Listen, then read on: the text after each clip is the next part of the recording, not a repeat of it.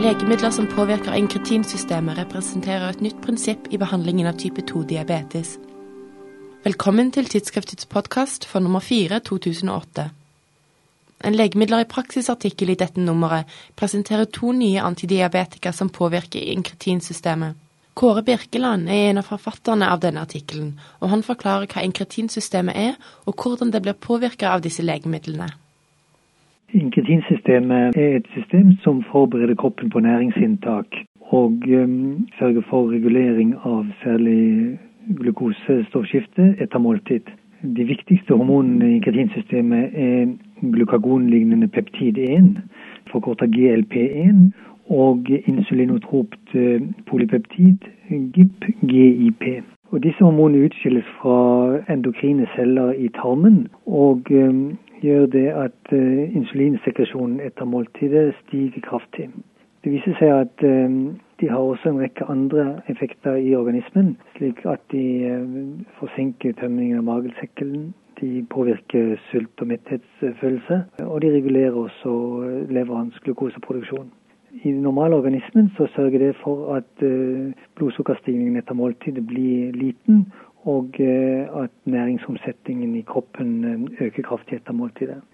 Det viser seg at man kan bruke disse mekanismene og påvirke de med legemidler, slik at ved type 2-diabetes, som har nedsatt insulinproduksjon, så øker den hvis man stimulerer inkretinsystemet. Og Det er det de nye medisinene gjør.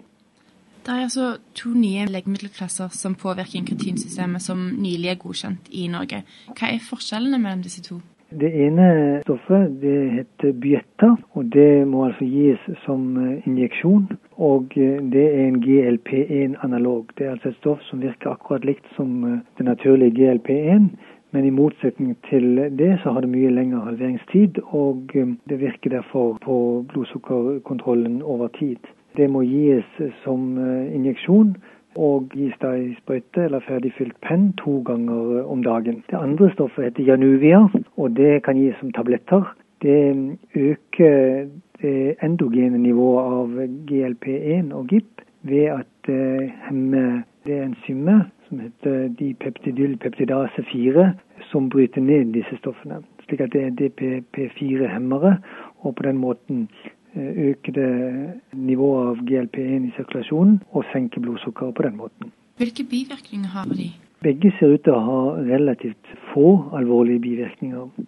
Bietta, Den hyppigste bivirkningen der er kvalme, og, og opptil 50% av deltakerne i utprøvingsstudiene har rapportert om kvalme. Men ganske få av disse ser ut til å være plaga i sånn grad at de må slutte med, med stoffet. Det kan også gi eh, oppkast og ventrikkelretensjon. Når det gjelder Januvia, så har det lite bivirkninger generelt. Det kan også gi gastrointestinale bivirkninger, men det ser ut til å være mye mindre uttalt enn ved beta. De fase 3-studiene som ble gjort i utprøvningen, så var det en liten økning i infeksjonssykdommer i den gruppen som fikk Januvia.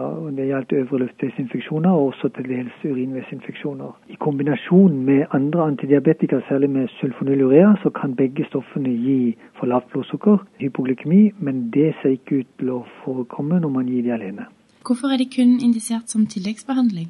Ja, Det har nok to årsaker. Det ene er at utprøvningsstudiene er gjort som tilleggsbehandling. Altså De studiene som er publisert med stoffene, de er gjort med Bietta og Januvia lagt til eksisterende behandling, som enten har vært metformin eller sulfonylurea. Det andre årsaken er nok mer eh, strategisk, at eh, de vanlige antidiabetika senker blodsukkeret like godt og er mye mye rimeligere, slik at firmaene har valgt å søke det som tilleggsbehandling i de tilfellene hvor man ikke kommer til målet med de enkle og rimelige midlene, slik som metformin og uh, sulfonylurea. Noe å lære ved dette nummeret handler også om diabetes type 2 og overvekt. Du har skrevet en kommentar til dette. Kan du raskt oppsummere denne kasuistikken?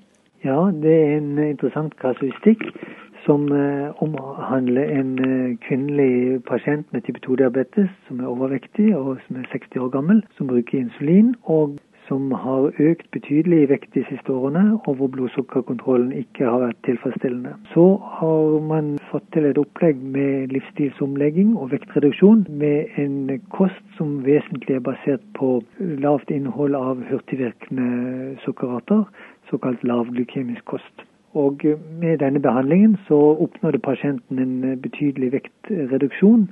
Og en kunne etter hvert også slutte med insulinbehandling og erstatte det med perorale antidiabetika. Og oppnå en god blodsukkerkontroll med det alene. Hvilken lærdom kan vi trekke fra denne kasuistikken? Ja, Det viktigste er kanskje at livsstilsomlegging og kostendringer med vektreduksjon som følge er mulig hos pasienter som er motivert for det, og som får god oppfølging av det. Jeg tror man skal være forsiktig med å trekke vidtgående slutninger om hvilken livsstilsomlegging og hvilken kost vi skal anbefale ut fra å ha observert én pasient alene. Men det at det går an å få til når pasientene er motivert for det, og at det også Eh, kan føre til at man kan eh, unngå å bruke insulin hos overvektige type 2-diabetikere, en viktig informasjon. Det er jo slik at alle med type 2-diabetes lager noe insulin selv og har en egen produksjon av insulin. Og det vi eventuelt gir som insulinbehandling, blir et tillegg til den insulinen de selv lager. Og ofte må man opp i såpass store doser at det kan by på problemer, ikke minst fordi at pasienten er veldig insulinresistent og således det man gir, bare et lite tilskudd i forhold til det pasienten selv lager. Og Derfor så kan man opp, se det som man så her, at til tross for ganske store doser insulin, så hadde det ikke den ønska effekten. Men effekten på blodsukker så man først når man fikk til en betydelig vektreduksjon. Og Da kunne man altså trappe ned og slutte med den eh, eksogene insulintilførsel fordi at pasientens eget insulin var tilstrekkelig. Du kan lese mer om dette i Legemidler i praksis-artikkelen og Noe å lære av i siste nummer av tidsskriftet. Takk for at du hørte på Tidsskriftets podkast.